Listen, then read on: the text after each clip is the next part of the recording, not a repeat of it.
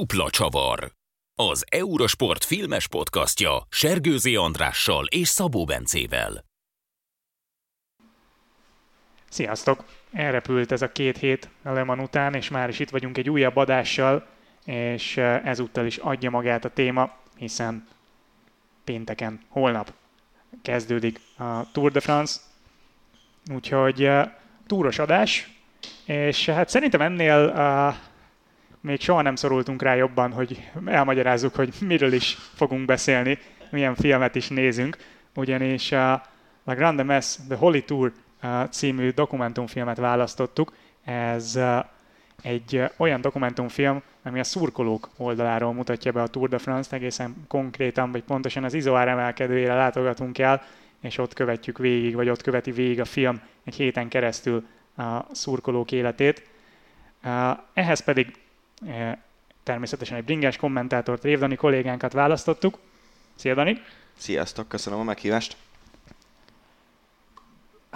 Nagyon sok mindenről lehet szerintem beszélni ennek a filmnek kapcsán. Elsőre nekem kicsit távolabbról indulva az jutott eszembe, hogy ha valaki így belegondol, akkor a, a Tour de France kapcsán nyilván a verseny, nyilván a, a, a elsőként talán inkább más oldalról fogná meg a történetet. Miért érdemes a szurkolókkal foglalkozni? Mi az a szurkolói kultúrája a túrnak, ami miatt érdemes erről egy külön filmet forgatni? Um, szerintem ott vannak talán, de nem, nem is biztos egyébként, hogy ezt lehet így kijelenteni, hogy ott vannak a legbolondabb szurkolók, de az biztos, hogy a legtöbb szurkoló mondjuk egy szakaszon, vagy, vagy egy, egy versenyen akár, az, az szinte biztosan a túron van. Szerintem a túros szurkolói kultúrának vannak ilyen különböző részei, és ez, ez nagyon jól kijön egyébként ebben a filmben, hogy, hogy vannak a, a fiatalabb szurkolók, akik igazából, mint minden másban is a, a mostani mondjuk 20 éves generációk, igaz Bence? próbálnak kitűnni az emberek, és próbálnak minél nagyobb hülyeségeket csinálni, és sajnos ugye az elmúlt években azért elég sűrűn ennek a verseny itta meg a levét. A másik oldala a dolognak, ami a filmben ugye a főszereplőken keresztül jön ki, az az, hogy, hogy vannak Franciaországban olyan leginkább nyugdíjasok, de vannak simán dolgozó emberek is, akik igyekeznek ebbe a, a, a néhány hétben szabadságra menni, akik úgy élik az életüket, hogy a túr körül alakul ki a nyári program. És, és ezt lehet tudni, hogy ez Magyarországon is sok ilyen nézőnk van, aki rendszeresen írja a Twitteren, meg, a, meg akárhol nekünk, hogy kivesz két hét szabít a túr alatt, mert neki mondjuk nem tud elmenni nyaralni, vagy nem akar, mert meleg van, mindenkinek megvannak a maga preferenciái, és az nagyon nagy élmény egy csomó embernek, hogy a túron keresztül lényegében végigutazzuk Franciaországot, és szerintem eh, nem tudom, hogy a túr ebből a szempontból nagyon más mint a többi három hetes, de mondjuk a nézőközönség létszámát illetően eh, talán Baszkföldet leszámítva biztos, hogy a Vuelta előtt van, és, és valószínűleg a Giro előtt is egy picivel, bár ott azt, azt a nagyon nagy különbséget én nem érzem.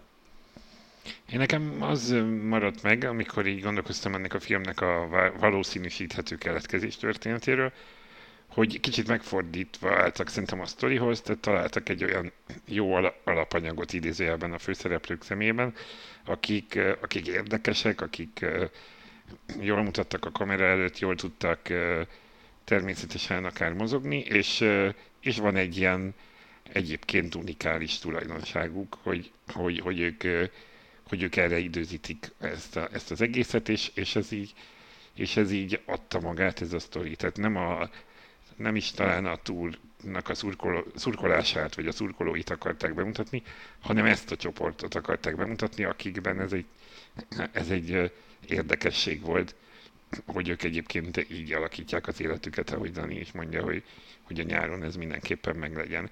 És azért így látszott ez, hogy, hogy sokan így visszatérő emberek, sokan mások a tengerpartra mennek, mert fürdeni szeretnek, ők pedig azért, hogy azt az egy napot, azt ott, amikor elhalad előttük abban a nagyon rövid időben a mezőny, meg nyilván itt voltak ilyen idézőjeles kísérőprogramok is, ugye, majd talán belemegyünk, vagy nem tudom, de hogy, de hogy ez így ez, ez, ez nekik a, a, a pihenés, ez a szórakozás, és ezt a részét nem tök jól átadta a film, hogy, hogy ők így érzik jól magukat. Igen, viszont direkten abból nem igazán kapunk, hogy mi az ő motivációjuk, hogyan lettek ők kerékpár szurkolók. Ugye nincs, nincs olyan, ez ilyen tehát, hogy nem, ez nem az a fajta dokumentumfilm, ahol valaki szembeül a kamerával, és elmondja, hogy én Jean vagyok 64 éves Franciaországból, és ezért meg ezért ekkor és ekkor szerettem bele a Tour de France-ba, hanem az elejétől a végéig látjuk az ő életüket a hegyen, és Igen. ebből egyébként kiderülnek dolgok, kiderülnek, kiderül az, hogy visszajáró emberekről van szó, de nem derül ki az, hogy ez miért alakult ki így szerint. Egy dolog utal rá szerintem, amikor van az a az egyik szurkoló, aki fölmegy a Bobé és Koppi emlékműhöz, és, és ott, ott látszik rajta, hogy ő egy kicsit elérzékenyül, vagy valami ilyesmit éreztem én, és, és szerintem ebből látszik az, hogy, hogy tényleg ők nagyon régóta nézik ezeket a versenyeket, az nem derül ki, hogy miért, de az látszik, hogy ez náluk gyerekkoruk óta megvan ez a szerelem. Szerintem ez egy ilyen alapvetés, tehát hogy az ember, tehát erről szól a film. Tehát, hogy ezt ilyen axiómaként kvázi el, elfogadjuk, hogy tudjuk, hogy ők túlrajongók, kerékpársport rajongók, és ők azért vannak itt. És nekem szerintem, én nekem pont azért tetszik nagyon ez a film, mert, mert nem akarja elmondani, nem akarja kiírni a, a monitorra, hogy e, ekkor és ekkor és így és így, hanem kicsit ilyen David Attenborough-san így a, megvizsgálja. és akkor ez, ez így, tehát, hogy, hogy pont a, azzal meséli el a, a, egy kicsit sejtelmesen ugyan a, a múltját, hogy nem beszél róla, hanem csak látjuk. Viszont ezzel ugye eléggé le is szűkíti a témát, tehát amikor itt arról beszéltünk, hogy a túr szurkolókat mutatja be a hegyen, ahogy arról Dani is beszélt, elég sokfajta ember kilátogat egy ilyen emelkedőre, ugye ebből az ellentétből azért kapunk valamennyit, de nem kapunk igazából a többi szurkoló életéből, vagy, a, vagy az ő motivációjukból annyit. Ez kicsit olyan, mint amikor szakdolgozatot akarsz írni, és azt mondod a, a konzulensednek, hogy hm, én a globalizációról szeretnék írni, és így diszkrét arcon legyintéssel azt mondja, hogy hát fiam, ez túl nagy téma, úgyhogy mit szólnál, hogyha nem is tudom, a kínai hajózás hatásáról az amerikai ellátási láncok rövidítésére írnál, ami még mindig egy kind of érdekes téma, de azért jelentősen leszűkíti azt, amit, amiről az egész szól. Uh, és szerintem a, az egész alapkoncepció, ami bár én bevallom, hogy nagyon sok tévésorozatot nézek, filmet keveset, és nem is mondanám, hogy értek ezekhez a dolgokhoz, de az nagyon feltűnő volt nekem, hogy folyamatosan álló kamerával ö, vették az eseményeket, és mindig ne, nem volt mozgás, csak vágások. És, ö, és szerintem ez is szűkíti az egészet. Tehát, hogyha, hogyha lennének olyan jelenetek, amely, amelyekben a kamera akár az egyik néző, vagy egy, egyik szurkolóról a másikra átmegy, vagy ilyesmi, akkor már egy picit bővítené ezt a, az egyébként meglehetősen szűk világot, de szerintem nyilván ez egy koncepció volt a, a rendezők részéről, hogy, hogy ezt így szeretnék fölvenni. Hát és szerintem tökre nagy, pont ezért volt nagy a kontraszt. Tehát láttunk egy, egy hetet a hegyen, ami szól mindenről, hogy ott hogy élnek, meg hogy étterembe elmegy, meg stb. Meg fölmegy az emlékműhöz, meg elmeséli, a, hogy hogy ismerkedett össze a papa meg a mama. És akkor van egy, tehát a filmnek az egy nagyon kicsi része az, amikor konkrétan látjuk. Néha látunk a tévében jeleneteket, és kb. az utolsó 10-15 perc, ami arról szól, hogy itt most átmennek, és amikor megjönnek a a mindenféle egyéb szurkolók, ugye azért többféle réteget látunk, meg ennek a párizsiak, hogy elhangzik többször. Egyébként ezen nagyon nevettem, mert van egy nagyon jó barátnőm, aki most már tíz éve Franciaországban él, és francia férje van, aki az élete nagy részét Párizsban töltötte, és utálja egyébként a párizsiakat. és amikor beszélgettünk arról, hogy el akarnak költözni Párizsból, akkor kérdeztem, hogy és hova, és akkor beszélgettünk városokról, és kérdeztem, hogy és Lyon nem tetszik? És mondta, hogy az, az, az legkevésbé, mert oda mennek azok a párizsiak, akik, akik még talán a legrosszabbak, majd nyilván ezek után nem sokkal Lyonba költöztek. Így alakult az életük. É, ezzel kapcsolatban nekem is van ilyen személyes sztorim. Én kétszer jártam kint Tour de France-on, először még 2013-ban, amikor az a századik kiadás volt, és ugye Korzikán rajtoltak. És egyébként véletlenül keveredtünk oda a korzikai nagyrajt második szakaszára, és volt mindhármunknak, édesapámmal, bátyámmal Paris Saint-Germain-es pólónk. És tudod, úgy voltunk vele, vagy tudjátok, úgy voltunk vele, hogy hát beleolladunk a közegbe, ott ezt majd biztos szeretni fogják, épp hogy csak le nem köptek minket.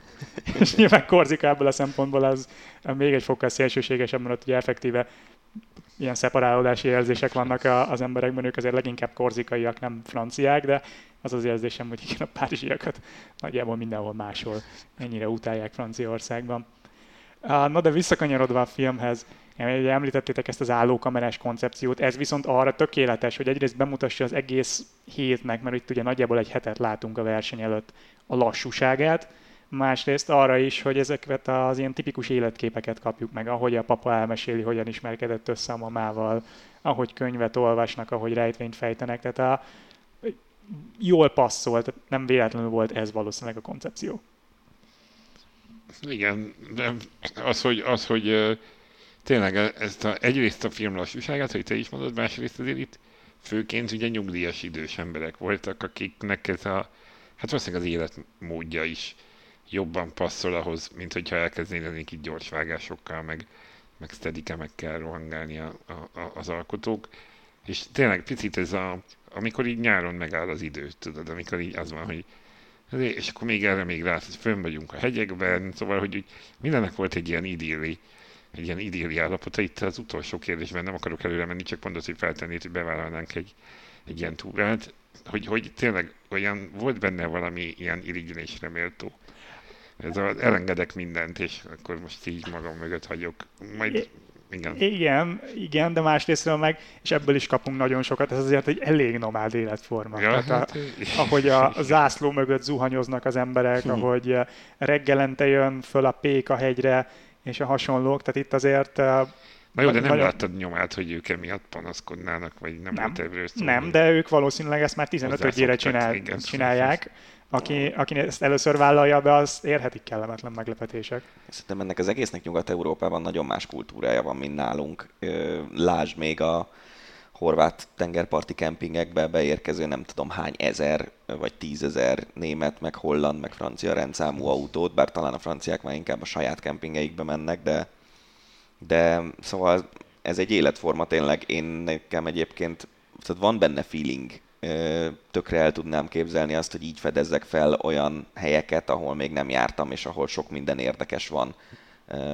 Nekem nagyon nagy álmom az, hogy egyszer elmenjek így az Egyesült Államok nyugati részét végigjárni, hm. úgyhogy mondjuk nem tudom, lemenni, hát ha nem is Alaszkától, de mondjuk ilyen Vancouver magasságától, úgy, hogy közben érinted a sziklás egységnek a nagyon szép részeit, és eljutni mondjuk Mexikóig akár hónapok alatt, aztán hogy ez összejön valaha, vagy nem, az egy másik kérdés, de hogy így például el tudnám képzelni, hogy egy ilyen lakóbusz bérelek, és így járom.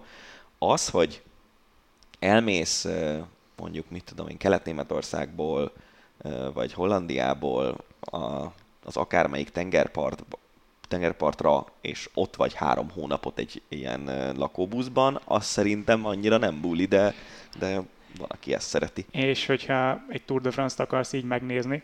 Hát ugye itt az a baj, hogy nem az van, hogy ők utaznak, mert mm-hmm. ugye van, van a ismert példa a Pro Cycling Stats-es ember, aki, aki alapította a legismertebb, meg leginkább használt uh, ilyen kerékpáros statisztikai oldalt. Ők ezt csinálják, hogy ők mennek, és ugye mivel már mindenhol van mobilnet, ezért lényegében dolgozni hm. tudnak, és amikor jön a szakasz, akkor megnézik de ők mennek innen-oda, amoda. Ezek az emberek, akik itt mondjuk 12 nappal a, szakasz, a túr érkezése előtt fölmennek már az izoárra, hogy jó helyük legyen, és aztán jön a párizsi 20 évesek társasága, mi az ilyen gumimedencével, és rohangál előttük, az nyilván kellemetlen, de hogy ez szerintem nagyon más történet, és Mm, én akkor mennék ilyen lakóbusszal, hogyha kísérni lehetne vele a mezőny, szerintem nem, akkor nem, hogyha jó helyet szeretnék a hegyekben. Igen, azért itt eltöltenek egy hetet, és nem, látunk életképeket abból, hogy nézik a versenyt, de ugye egyrészt ennek is megvannak a technikai akadályai, mert hát fogni kell a kis adóvevővel a, a lakókocsi tetején a, a tévéképet, ami hol jön, hol nem. Ugye ez is egy visszatérő elem a, a filmben, másrészt pedig hát na, tehát nem, nem arról szól nekik a, az az egy hét vagy tíz nap a verseny előtt, hogy hogy egy nappal látéve a, a túrt nézik. Nem, ez valószínűleg nem a legjobb, sőt, biztosan nem a legjobb mód arra, hogy kövesse az ember a versenyt, vagy hogy úgy átélje igazából a versenyt. Tehát itt valami más a, a motiváció, vagy ez többről szól nekik, mint az, hogy, hogy a, hogy a túr részei, vagy hogy igazán olyan fanatikus rajongók lennének, mert akkor azt csinálnák, mennének hogy mennének, végig. mennének, mennének végig a versennyel. Igen. Igen, szerintem is itt a, inkább a hegyek szeretete és a túr szeretete keveredik valamilyen szinten, mert egyébként, hogyha nem szereted a hegyeket, akkor nem mész oda két hétre, vagy, vagy több, mint, több mint egy hétre. Igen, nem biztos, hogy az, az volt a, hogy azért vannak ott ennyivel korábban, hogy jó helyük legyen, hanem, hanem mert ez így, ez, ez így van. Valahogy ez így bennük. Ennyi év után már ezen valószínűleg el se gondolkodnak, hogy, hogy miért. Viszont azért kapunk képeket arról tényleg, ahogy, ahogy szurkolnak, ahogy szakaszokat néznek. Ugye a 2017-es túr alatt forgott ez a film, ami hát javíts ki a tévedek, de bennem úgy él, mint az utóbbi évek egyik legunalmasabb kiadása. Hát tekintve, hogy nem nagyon emlékszem rá, azért valószínűleg bennem is. hát ugye ez volt ez az év, amikor, amikor a, a Sunweb-ről szólt valamilyen szinten a túr, ugye Matthews nyert két szakasz plusz elvitte a zöld trikót. Ez volt az az év, amikor Szagant kizárták, igaz? Uh-huh. Ha jól emlékszem. Szóval nyert, nyert két szakaszt, meg egy, meg egy zöld trikót elvitt. Bárgil szintén ebből a csapatból pöttyös trikót, tehát a legjobb hegyi versenyző lett, illetve szintén két szakasz győzelem.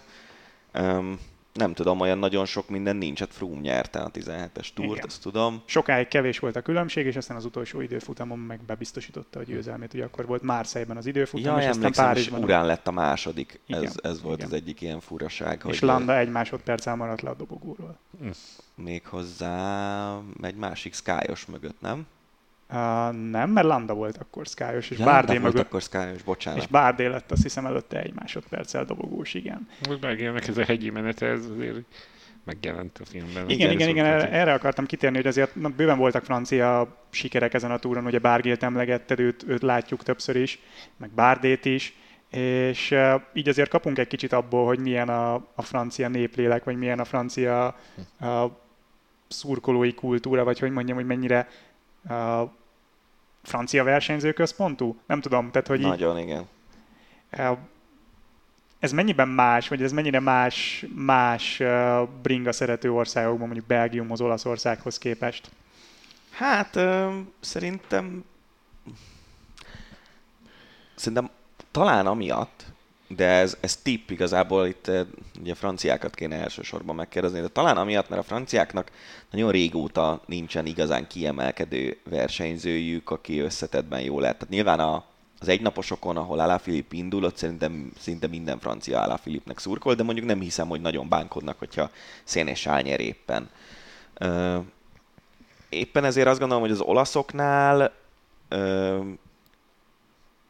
nem biztos, hogy mindenki mondjuk Nibali szurkoló, bár lehet, hogy mostanában igen, de mondjuk tíz éve, amikor a Girokon három-négy olasz versenyző harcolt az összetett győzelemért, 10, 10, inkább 15 éve, akkor biztos, hogy megvolt a Diluca tábor, megvolt a Cunego tábor, megvolt a Simoni tábor, megvolt nem tudom, Garcelli, meg, meg később Nibali tábora. Tehát szerintem itt az van, hogy ha mi mondjuk Belgiumban ott biztos, hogy megvannak azok, akik inkább fanártnak szurkolnak, mint mondjuk Stüvennek, vagy Lampártnak, vagy Evenepulnak, vagy tök mindegy, hogy most milyen versenyről beszélünk, mert ott akkora a kínálat, hogy ott választhatsz úgy, hogy jó versenyzőt választasz, akinek szurkolsz, és mondjuk még szimpatikus is így a kerékpáron kívül. Franciaországban, hogyha te annak szurkolsz, hogy legyenek francia győzelmek, akkor szerintem mindegy neked. Egyébként meg nyilván a bretonoknak egy picit szimpatikusabbak a breton versenyzők, szerintem inkább ilyen regionális dolgok jönnek szóba.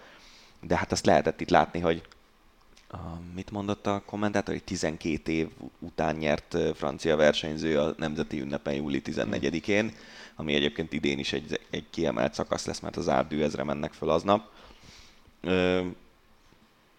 Ilyen dolgokat szerintem az egész francia kerékpáros tábor meg tud élni, hogy, hogy igen, bár D nyer, igen, bár Gil nyer, ennek örülünk, pont azért, mert viszonylag keveset nyernek egyébként szakaszokat is.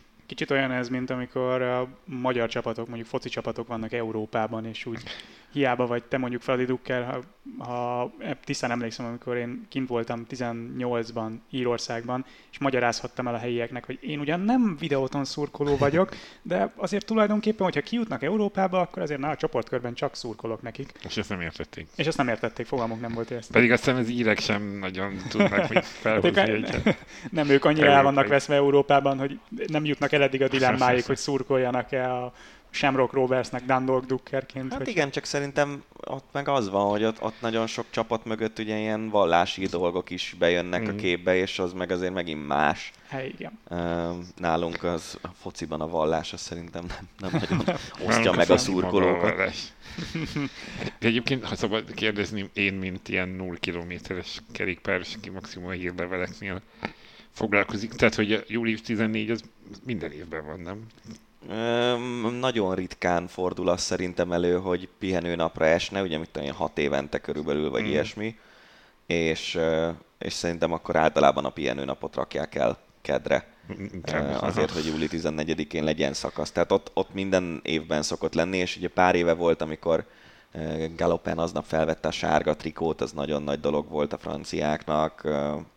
Szóval igen, azt, azt azért úgy megélik, meg megünneplik. különösen arra úgy figyelnek, gondolom. Abszolút, ez... persze. Igen, de mondjuk az útvonal nem minden évben adja ki úgy, hogy egy olyan szakasz kerül oda, ahol egy franciának reális aha, esélye aha. van. Azért próbálják többnyire így megrajzolni szerintem. De mondjuk idén szerintem te például, hogyha Pino nyerné a július 14-i szakaszt, az lenne a franciáknak az ilyen non plus ultra, mert hogyha ha Pino nagyon népszerű, amennyire tudom, lehet, hogyha egy másik francia nyeri, akkor azt is megünneplik nagyon, de szerintem az lenne az ilyen, a Christian Prudhomme azt a forgatókönyvet írta egy egyes sorszámmal, hogy Pino nyerjen az Alpdű ezen.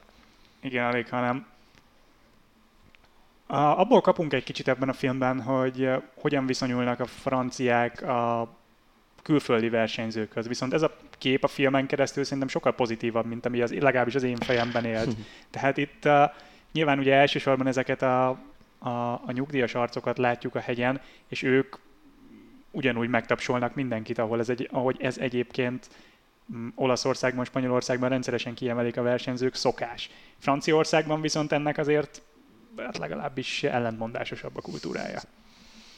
Mindenképp, de szerintem a, ez is valamilyen szinten abból adódik, hogy a franciák régóta nem nyertek túrt. Tehát szerintem egész egyszerűen unják azt, hogy idejön egy Chris Froome, egy kenyai születésű, ilyen hófehérbőrű angol gyerek, mindent megnyer éveken keresztül, nem lehet megérinteni sem igazából. Ugye ez a 17-es az volt azt hiszem a legszorosabb győzelme, ahol hát valljuk be, hogy azért Rigoberto Uránnal nem számoltunk, mint nagy túr, túr összetett esélyes, és ő lett a második. Szóval szerintem ez, ez, vagy ez, ez az oka annak, hogy a francia szurkolók annyira nem szurkolnak mondjuk a külföldieknek, de szerintem egyébként például Bretányban ez megint csak nem igaz, mert ott, ott a belgához, vagy a flamandhoz, meg a baszkhoz hasonló ilyen kerékpárőrült kultúra van, de az olaszokat is ide vehetjük.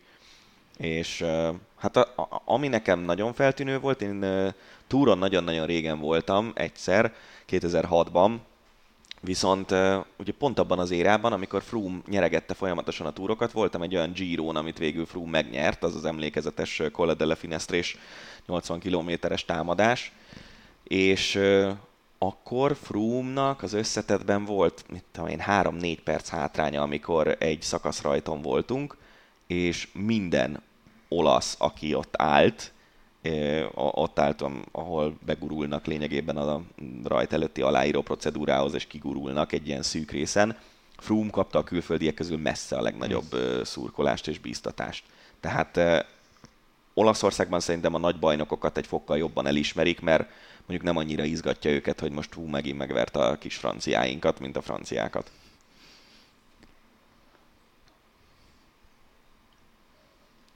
Jó, uh, haladjunk kicsit tovább, hogy a film eseményei mennek. Ugye nem, először nem a verseny érkezik meg, hanem megérkezik az, a amatőr, az amatőr verseny. Micsoda? A bagett. A, bagett, a, bagett, a bagett is meg, az minden reggel. Nem, az elfogyott a bagett. És milyen lehet, amikor már, gondolom azért ezek az árusok nagyjából felmennek ilyenkor a csúcsig, vagy az utolsó egy-két kilométerig, ahol már nincs senki, és akkor ott ha fönt vagy kellően magasan parkolsz, akkor ott a veszély, hogy le kell menned kicsit a helyről egy-két kilométert, különben elfogy előtted a bagert, mint amikor tízkor érsz ki a piacra, és már nincs, nem tudom, kígyóborka. Szóval megvannak ennek a nehézségei. No de jött ugye az amatőr verseny, ugye három-négy nappal járunk talán a, a túr előtt, amikor, amikor föl, föltekernek a, az amatőrek. Ugye ez is egy tipikus túrszokás, és azt hiszem ez csak túron szokás. A három hetesek közül szerintem igen, de egyébként azért ezeknek az úgynevezett ilyen Grand Fondóknak Olaszországban van a, talán a legnagyobb hagyománya. De a Tour ezt kitalálta már jó pár évvel ezelőtt, hogy ilyen Etap de Tour néven létrehoznak egy tömegrendezvényt, mint ahogy egyébként a nagy egynaposoknak is van ilyen amatőr változata szinte mindegyiknek, nem csak Franciaországban. És ugye, hát ilyen olyasmi kicsit, mint a New York maraton, hogy ilyen majd, nem kihalásos alapon tudsz bejutni egyáltalán a résztvevők közé. Minden évben egy másik szakaszt lehet letekerni, általában valami hegyesebbet, tehát azért kell hozzá egy elég komoly kerékpáros tudás, hogy az ember egyáltalán végig tudjon menni rajta. De ez egy nagyon-nagyon népszerű program, és, és tényleg nagyon sokan edzenek azért, hogy egy szakaszt végig tudjanak csinálni a túron. Ugye itt nyilván a, azt az emelkedőt látjuk, ami egyébként a filmnek is a főszereplő, az izoára tekernek föl. Maga az izoár egyébként milyen szerepet tölt be a Tour de France-on, mondjuk hova sorolnád a legendás emelkedők között? Hát vannak, hogy mondjam, nem, nem a top kategória talán, de ugye a második szintre igen. Hát szerintem a, ugye a top kategória az a Pireneusokban a Tourmalé, annak van talán a legnagyobb ö, hagyománya.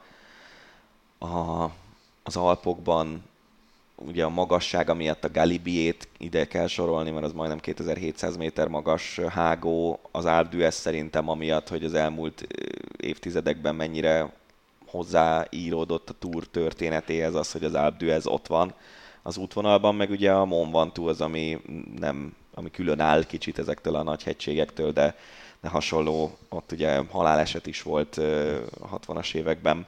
Szóval ezeknek, ezeket gondolnám így első körben a top-top színnek, de az azért az Izoár is egy olyan emelkedő, ami mondjuk szerintem ritkán van ott egyébként hegyi befutó, és ezt nem néztem utána, de de ugye pont ebben az évben, 17-ben hegyi befutó volt, és Nagyon, nagyon úgy rémlik, hogy nagyon, nagyon hosszú idő után volt újra hegyi befutó a túron, és szintén azóta sem.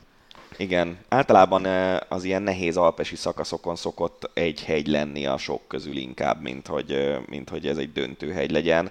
Viszont szerintem nagyon sokszor ö, olyan szakasz része volt, amire azt mondtuk, hogy az a király szakasz az adott évben. És ezek a, ezek a hegyek, amiket most mondtál, ezek mindig, mind, ez milyen gyakran, hogy minden évben benne van a... a Nem, ez, ez inkább úgy szokott lenni, hogy hát azt mondom, hogy átlagban szerintem három évente egyszer, vagy, vagy a ha. Tourmalé az talán inkább két évente egyszer, vagy három évente kétszer mondjuk. Mert az uh, most nem, nem láttam az idei listában, de lehet, hogy csak nem tudtam, hogy hogyan kell dekódolni. Nem, nem, nem, nincs, nincs, nincs idén az izoár. Idén a nagyobb emelkedők közül ugye egyrészt a Alpe ezt másszák, igen. igen, másznak fel a Galibiére, e, és visszatér például egy olyan emelkedő, ami nem tartozik ezek közé a top kategóriás, ilyen tényleg legendás emelkedők közé, de megvan a maga története a túron, ez a Hautakam, a Pireneusok Pireneusok? Igen, a Pireneusokban, uh, amit uh, idén nagyon hosszú idő után másznak újra. Igen, egyébként most megnéztem, és uh, hegyi befutó az izoáron, az, uh, az akkor volt először, 2017-ben. Uh, és, és mondom, ilyen, ilyen nehéz alpesi szakaszokon egyik hegy volt inkább általában, de már elég régóta ilyen kiemelt kategóriás hegy, tehát nyilván ez egy nehéz emelkedő. Um, talán inkább az, hogy, hogy egy nehezítő hegy, egy, ilyen, egy olyan napon, ahol mondjuk 150 km alatt 3-4 komoly emelkedőt kell megmászni. És mennyire lehet egy emelkedőt mesterségesen ilyen legendássá tenni? Itt most ne, nyilván neked van tippet, hogy mire gondolok itt a Planche de Belfi esetére, amit az elmúlt tíz évben, hogyha nyolcszor nem nyomtak bele az útvonalba, akkor egyszer sem. Nagyon érdekes volt a, a Cycling Podcast Femina, a női bringás al, al podcastja, a Cycling Podcastnek, ott beszélgettek arról, hogy eh, a női brit körversenyen egész egyszerűen minden évben van benne egy ilyen hosszú transfer, amikor Anglia keleti, vagy déli, vagy északi, vagy valamelyik részéről elmennek Velszbe, mert azok a helyi önkormányzatok támogatják a versenyt, és nyilván azért támogatják a versenyt, hogy ott rendezzenek szakaszokat. És ismételd meg Léci a kérdésed, mert akkor eszembe fog jutni, hogy mit akartam Mennyire lehet mesterségesen legendás ja, tenni egy emelkedőt, mint a planst. Szóval, hogyha, hogyha benne van minden évben egy emelkedő egy túrban, annak valószínűleg az az oka, hogy így befizették magukat. A, ugye a planche az ráadásul kicsit más régió is, mint, mint ezek északabbra van Kelet-Franciaországban. Én, én nem tudom, hogy de nyilván, hogyha egy emelkedőn nagyon sok nagy csatát látsz, akkor egy előbb-utóbb legendássá hmm. válik. De, de szerintem ez azért az, hogy minden évben benne legyen az útvonalban, ahhoz a, a, annál több kell. Most a plans az ugye azért kezd legendássá válni, mert hát volt egy túra, ami ott dölt el 2020-ban, az időfutamot rendezték ott, és, és akkor ugye Pogácsár fordított Roglicsal szemben egy ilyen teljesen valószínűtlen időfutam teljesítménnyel, és, és szerintem ez, ez volt az első olyan igazán legendás plans, amire az ember emlékszik. Jó, nyert ott Froome emlékeim szerint, de sokszor például hazaértek szökések, ugye Dylan Töns nyert ott szakasz, nem? Meg, meg nyert egyet, Alá Filip talán. Akkor lehet, hogy valamivel keverem. Jól, mert az az a szakasz volt, amikor, a Töns, amikor Töns nyert. Ja, ja, ja. Ja, igen, és Alaphilippek Pino megtámadták a többieket, miközben Töns nyert elmenésből. Szóval szerintem az igazán legendás hegyek azok úgy alakulnak ki, egyrészt, hogyha már a nagyok is mentek rajtuk, mint mondjuk Koppiék idejében is már használt hegyek voltak, az nyilván megvan a múlt. Ha meg új emelkedőkről van szó, akkor, akkor az ilyen igazán nagy csaták, és mondjuk ahogy az Angliru a Vueltán legendás emelkedővé vált tényleg néhány év alatt, ugye ott, ott elsősorban az iszonyatos durva meredekség miatt. Congolán ugyanez. Congolán ugyanez az olasz körversenyen. Én a, a planst azt nem érzem még ebben a kategóriában, de mondjuk lehet, hogy, hogy az izoár alatti szintre meg már odaért. Nem tudom, ez, ezek általában ilyen gazdasági dolgok, hogy, hogyha ennyire nyomatnak egy emelkedőt a túrszervezői. Tehát, hogy még, egy, még az ilyen nagy szinten is van, hogy be lehet vásárolni magát oh, egy területnek? Nem, nem csak, hogy van, ez gyakorlatilag ebből élnek. Hát a, a, ha mondjuk te... szint fölött már... Nem, nem, hát ugye az van, úgy néz ki nagyjából egy túrnak a megrajzolása, hogy egyrészt az hagyomány szokott lenni, hogy minden évben változik, hogy melyik irányba mennek körbe. Mert ugye a, a nagy hegyek, az igazán klasszikus hegyek, azok a Pireneusokban vannak, van a Vantú, a Pireneusok meg az Alpok között, és az Alpokban vannak még nagy emelkedők, és általában évről évre változik az, hogy melyik van előbb. Tehát, hogy a harmadik hét emelkedői azok a Pireneusokban vannak, vagy az Alpokban vannak. És a, onnantól kezdve igazából eléggé szabad azért a, a szervezőknek a keze, onnantól kezdve aki az adott környéken, tehát tudják azt, hogy még menni fog Normandiában négy szakasz, akkor körülnéznek, hogy melyik települések szeretnék maguknak a rajtokat, meg a, meg a befutókat, és ez, ennek megvan az árfolyama. Azt hiszem, hogy ilyen több tízezer euróba kerül manapság egy szakaszrajt mondjuk a Tour de France-on. Mert ott akkora, akkora ismertséget szerez egy település, hogy, hogy az megéri. Most nyilván vannak olyan kivételes esetek, amikor elviszik a Nemzetközi Kerékpáros Szövetség elnökének a városába, ahol ő a polgármester a, a szakaszbefutót, de ott meg nyilván politikai okok vannak. És ugye mondtuk is, hogy az Izoár nem volt soha hegyi befutó. Ez is egy tendencia, hogy az utóbbi években leviszik a szakaszok végét a hegyekről általában le a völgybe egy településre. Ez gyakran elhangzik közvetítésben is, hogy a hegy nem fizet, igen. A település alatta meg, igen. De egyébként most az idei ez ilyen szempontból szerintem kivételes, mert most viszonylag sok hegyi befutónk lesz majd. Ugye lesz a plans, és lesz kettő az Alpokban, meg kettő a Pireneusokban, hogyha jól emlékszem. Így van, mert a Pejregült és a Hautakam a Pireneusokban, igen. és az Abdőez, illetve még egy... A Granon. Granon, Granon, igen, az, Alp, az Alpokban, igen. No, hát csak megérkezik a, a verseny is a, a film végére. és uh, ez a klasszikus mondás, hogy kimész, órákat, adott esetben napokat ott vagy, és aztán egy perc alatt elmegy az egész. Nyilván azért ez ennél valamivel komplexebb. Tehát azért majd, hogy nem azt mondhatjuk, hogy a, a szakasz napja az egy egész napos program kint a szurkolóknak. Abszolút. A, a szakasz napja az egy egész napos program. Üm, nyilván most ez olyan, hogyha te a hegyen vagy, az utolsó emelkedőn ráadásul az adott szakaszon, akkor az, az talán a legjobb, mert ott biztos, hogy látsz csatát, biztos, hogy látsz 25-30 perces hátrányal érkező gruppettót. Ugye a verseny előtt egy olyan másfél-két órával elmegy ez a reklámkaraván, ami, ami minden évben egy szórakozás. Egyébként az tök érdekes volt, hogy a, az egyik utolsó jelenetben a, a néni pakolgatja a különböző ilyen repi termékeket, hogy amikor én kim voltam a túron, az valami egész elképesztő, hogy milyen dolgokat ö, adnak. Tehát volt például olyan szponzor, aki ilyen kis vékony kolbászokat osztogatott az embereknek, voltak sajtok, volt, hát ugye nyilván ezek az ilyen integető kezek, amik szoktak lenni az embereknél, ez a zöld kéz, de azt hiszem a Kaiz de Párny egy ilyen mókus, egy ilyen ugyanolyan karton mókust adott. És ezeknek a nagy része még megvan egyébként otthon, de nagyon-nagyon vicces, hogy, hogy ugye nagyon logikusan van ez is kitalálva, hogy az első kamionnal az LCL, ami a sárga trikó szponzora, ilyen kis zsákokat dobálnak, és akkor a zsákba tudod gyűjteni utána a többi kis nevezzük bízbasznak, mert nagyon sok, nagyon sok ilyen kis apróságot dobálnak ki, és akkor azt a kis zsákodban összegyűjtöd és uh, ugye lehetett látni mostanában, mióta ez az új uh, főszponzora van a Pöttyös Trikónak, ez a Leclerc nevű uh, ilyen kereskedelmi lánc, ők például iszonyatos mennyiségű pólót osztanak mm. ki, ilyen pöttyös pólókat az embereknek, és akkor lehet látni az emelkedőkön mindenki ugyanabban a pöttyös lökleres pólóban van. Úgyhogy ja, az, egy, az egy mókás dolog, és akkor utána vársz egy kicsit, jönnek a versenyzők, meg egyébként ami nekem ilyen hegyi befutós szakaszon mindig nagy élmény, az az, hogy látod jönni az amatőr bringásokat fölfelé órákon keresztül.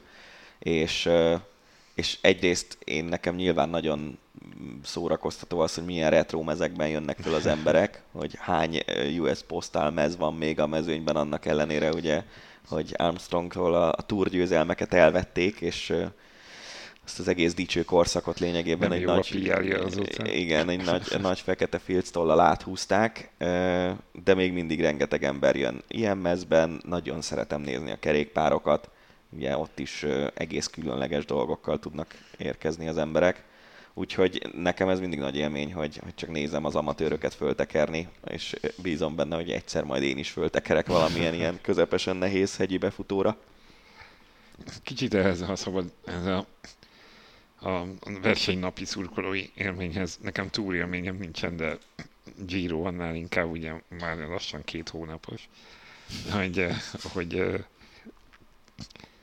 én föl volt, a, a várban voltam az időfutam végén, és akkor hát úgy gondoltam, hogy a célhoz akkor oda megyek, és akkor így, tehát hogy az úgy baromira nem volt egy nagy élmény, így tényleg ez, a, amire így a Forma 1-nél is, meg amit te is említettél, hogy Hát jó percenként elhúzott egy ember, és akkor közepesen vagy hangosan mindenki nevezhet. Ez tök jó. De hogy aztán, amikor így találni lehetett más helyeket, ahol jobban el lehetett látni, meg amikor nem is feltétlenül maga a, az a rész volt élmény, hogy befutott valaki, hanem amikor a, a körítéseket lehetett látni, a kocsikat, ahogy kanyarodnak ki, meg ahogy... Tehát az egésznek ez a holdudvara kvázi, hogy fogalmazzak így, igazából az okozta nekem így ezt a Giro élményt, uh-huh. és a, amiatt volt érdekes az, hogy, hogy, hogy ja igen, akkor ez az, ami, ami így lázban tartja ezt az egészet, és ez az, ami, ami, ami így az érdekességét adja. Tehát, hogy inkább amikor el tudtam engedni, hogy akkor most tényleg azt nézzem meg, amit a tévében néznék meg, amikor rájöttem, hogy nem, itt nem ez lesz az érdekes, hanem az, hogy ez egy fesztivál. Igen. És hogy akkor ezt mög, nézzünk mögé, és egy kicsit akkor nézzük meg az embereket, hogy pont ez, hogy milyen repicucok, meg milyen bóckodós jelmezek, meg, meg nem tudom, még fölfújt gumimatrac nem volt, de, de minden más. Tehát, hogy amikor ezt, amikor ott, ott volt a legjobb, amikor kikanyarodtak az aut, a, a versenyzők, szedték le a, a, a kocsikról, a kísérő kocsikról a táblákat, rakta el, és ott látszott, hogy ott olyan 50 éve a szakmában lévő pasikot csinálják ezeket a dolgokat, és pontosan tudják, hogy hogy lesz, és ugyanezt fogják csinálni egy hét múlva a Szicíliában is. Tehát, hogy és ennek az egész varázsa akkor ott igazából engem is megcsapott. Igen, szerintem amúgy a, e, e, ezt ugye részben azért látjuk, hogy milyen logisztikája van egy ilyen kerékpárversenynek, de igazán akkor látod, hogyha élőben látod. Uh-huh. Az, hogy mondjuk a, itt az Aquincum Hotel parkolóját, ami azért nem olyan kicsi, három csapat fért el lényegében, mert, mert annyi járművel jár egy ilyen verseny, és szerintem, hogyha valaki mondjuk ilyen logisztika szakra jár egyetemre, és szereti a kerékpársportot, akkor ebből írjon szakdolgozatot, mert iszonyatosan érdekes, iszonyatosan érdekes történet, és akkor ezeket a külföldi rajtok még bonyolítják ezerrel, hogy, hogy van olyan csapat, amelyiknek mondjuk nincs két ilyen A-kategóriás mm. busza, és akkor a véget ér Balatonfüreden a szakasz, és két buszsofőr levezet, nem tudom, 1600 vagy mennyi kilométert Katániába, vagy hova, hol volt a következő szakasz rajta, vagy Messina. Úgyhogy e, ez a része a kerékpárversenyeknek nagyon-nagyon érdekes, meg hogy hány, ugye ez minden évben kijön, hogy hány kulacs, hány, nem tudom, kerék, hány gumi használódik el egy évben, iszonyatos költségek, és, és közben meg a, a kerékpársportban ugyan sok pénz van, de azért mondjuk más sportokhoz képest itt nem keresik magukat halára a versenyzők. Igen, pláne nem a csapatok egyébként. Igen. A, a gazdasági modell nem igazán stimmel. De tök jó, hogy említetted a gyíros élményt, Andrés azért szerintem, ha más nem, tényleg itt most nagyon-nagyon sokan megtapasztalhatták itthon is, hogy, hogy milyen élménye, milyen hangulata van egy ilyen, egy ilyen nagy körversenynek. Tényleg első kézből kaptunk erről tapasztalatot. Szóval jól gondolom, hogy ez az élmény alapvetően tökéletesen exportálható. Tehát most ugye a túr kapcsán is mennek Dániába, ott lesz majd az első három szakasz. Tehát nem a világ nagyon sok pontjára tulajdonképpen probléma nélkül átvihető ez a szurkolói élmény. Mm, azt mondanám inkább, hogy Európa nagyon sok pontjára, mert ugye azért onnantól kezdve, hogy meg mondjuk Észak-Afrikát is el tudnám képzelni. Most már Eritreára is figyelj, nem mondom? Hát figyelj, én, én nem tudom elképzelni Jó, őszintén nem. szólva, hogy Eritreában legyen valami ilyesmi. Nagy rajtja. Az olaszoknál ugye ott egy nagyon bonyolult ilyen nem rabszolgatartó, mi ez ilyen gyarmattartó, gyarmattartó igen, uh-huh. köszönöm. Szóval ilyen gyarmatosító múlt van Eritreában, ami azért az elmúlt években átértékelődött elég rendesen ott is. Meg Eritrea az egyik legdurvább diktatúra a világon, tehát ott ezért nem tudom elképzelni, hogy, hogy ott ilyesmit szervezzenek egyáltalán. Mekkora, mekkora felháborodás lenne mondjuk Franciaországban Igen. abból, uh-huh. hogy uh-huh. egyáltalán az ASO, a túrszervező cége leül ezzel az diktátorral beszélni. Szerintem én ezt nem tudom elképzelni. De mondjuk egyébként egy ilyen észak-afrikai rajtot még el tudnék képzelni, mert ott a logisztika az, az nem nagyon bonyolult. Amit ugye már nagyon régóta rebesgetnek, hogy Észak-Amerika, Szerintem ott elég bonyolult lenne a logisztika, amit sokkal inkább el tudok képzelni, hogy előbb-utóbb lesz mondjuk Giro rajt az Egyesült Arab Emírségekben, vagy, vagy valamilyen öböl menti országban, mert ott ugye van pénz lóvére, ahogy a, a mondás mondja, és... Nyilván oda a kultúra, meg a szurkoló élmény az azért nehézkesen az exportálható. Az nem. Hát azt láttuk a Katari vb n hogy hány szurkoló volt a befutó környékén, 50-en lézengtek, amikor Szágán világbajnok lett. De Európában mindenképpen, és egyébként ez a Giro rajt ez arra nagyon jó volt, hogy azért ez megmutatta, hogy olyan országban, ahol mondjuk a kerékpáros kultúra nem olyan magas szintű, ott is nagyon sokan szeretik ezt a sportágat olyan szinten, hogy képben vannak a versenyzőkkel. És nagyon sok, ugye a kerékpársportnak az a jó oldala, hogy, hogy átmegy a településeken, és zámolj ugye a legjobb sztori, a is megállóval, de hogy zámoljon azért nem történik egy évben olyan nagyon sok dolog, és biztos, hogy 2022-ben zámoljon a legfontosabb dolog az volt, hogy átment rajta a Giro, és éppen ezért a település lakói is fölkészülnek, feldíszítik a, a, a falujaikat, meg falvaikat, meg, meg a városaikat, tehát ez a része, ez, ez működik, és látszik, hogy ez működik olyan helyen is, ahol egyébként szerintem a társadalom nagy része az inkább, ha nem is ellenséges a kerékpárosokkal, de, de azért nem, nem, igen, nem, nem a kedvenceik. Máshol, hát na, ha valaki akar utazni, és jó nagy rajtot nézni, jövőre menjen el Baszkföldre. Mi azt Gergővel már kinéztük magunknak, hogy ha életünkben egy helyszíni közvetítést választhatunk, akkor az, az az lenne. Baszkföldet amúgy is imádom, de gondolom ezek a közvetítésekből is lejön. ott iszonyatosan jó hangulat lesz. Az egy kerékpár őrült hely, ott tényleg, nem tudom, hogy a Patria című sorozatot azt láttátok-e, de nagyon nyomasztó, de közben nagyon szép rajza annak, hogy, hogy az ETA és a, a Spanyolország közötti konfliktusnak a baszkok is hányan megitták a levét, és barátok találták magukat ennek az ároknak a két oldalán.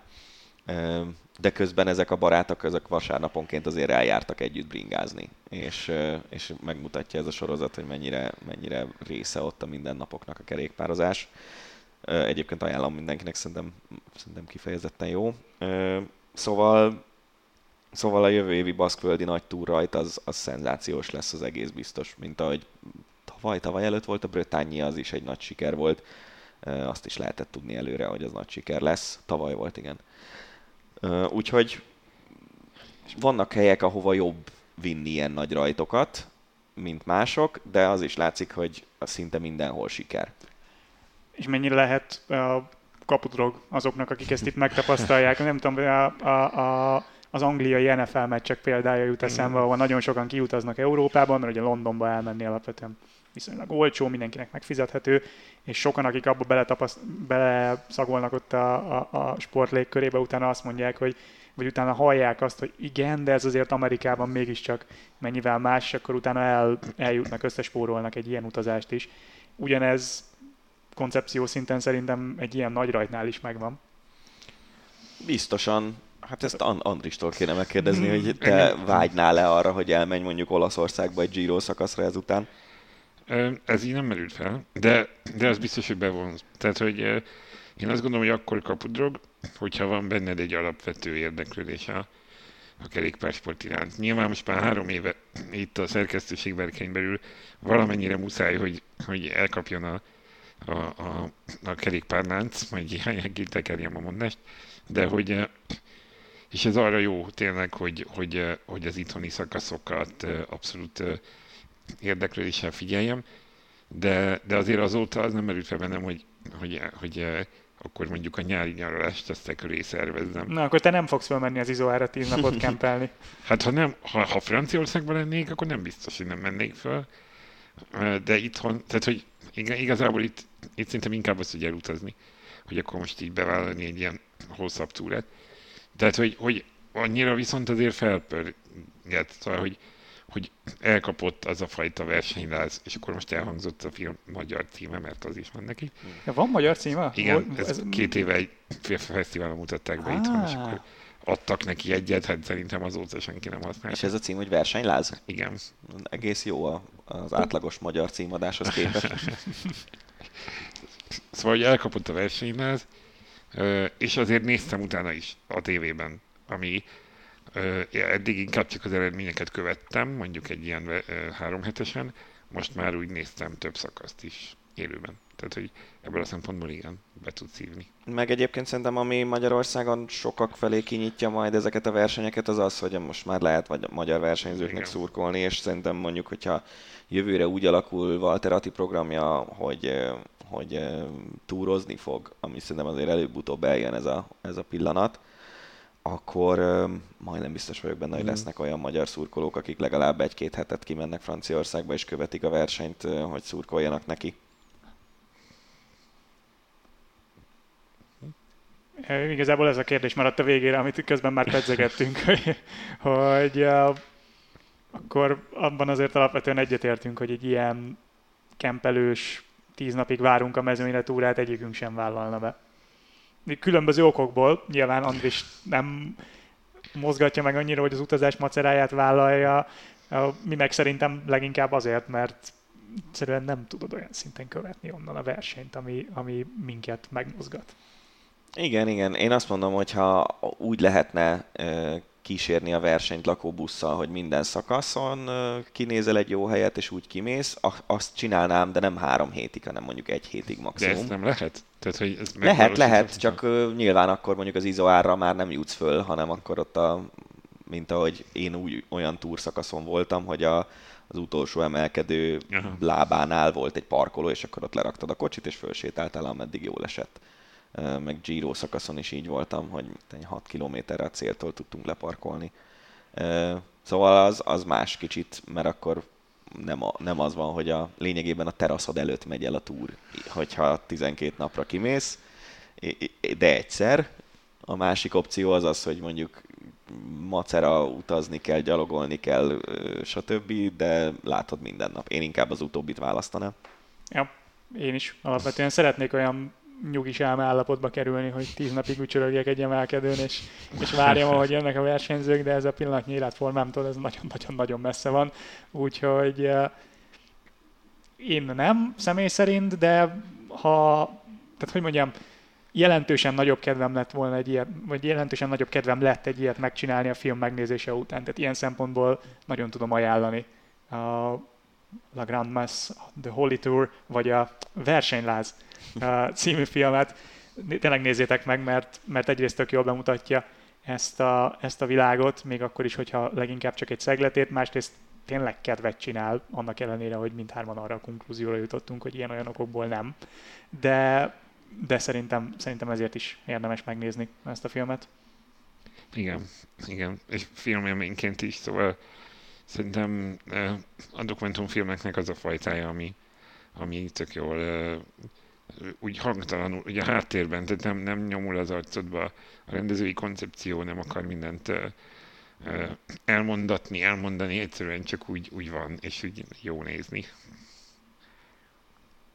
Ne, szerintem ez tökéletes végszó, úgyhogy mi mostanra búcsúzunk, remélhetőleg szokás szerint két hét múlva jelentkezünk majd a következő epizóddal, van már tervünk, hogy mit szeretnénk, de ezt egyelőre most inkább nem áruljuk el még alakulóban van, de tartsatok velünk legközelebb is. Köszönjük a figyelmet, sziasztok! Sziasztok!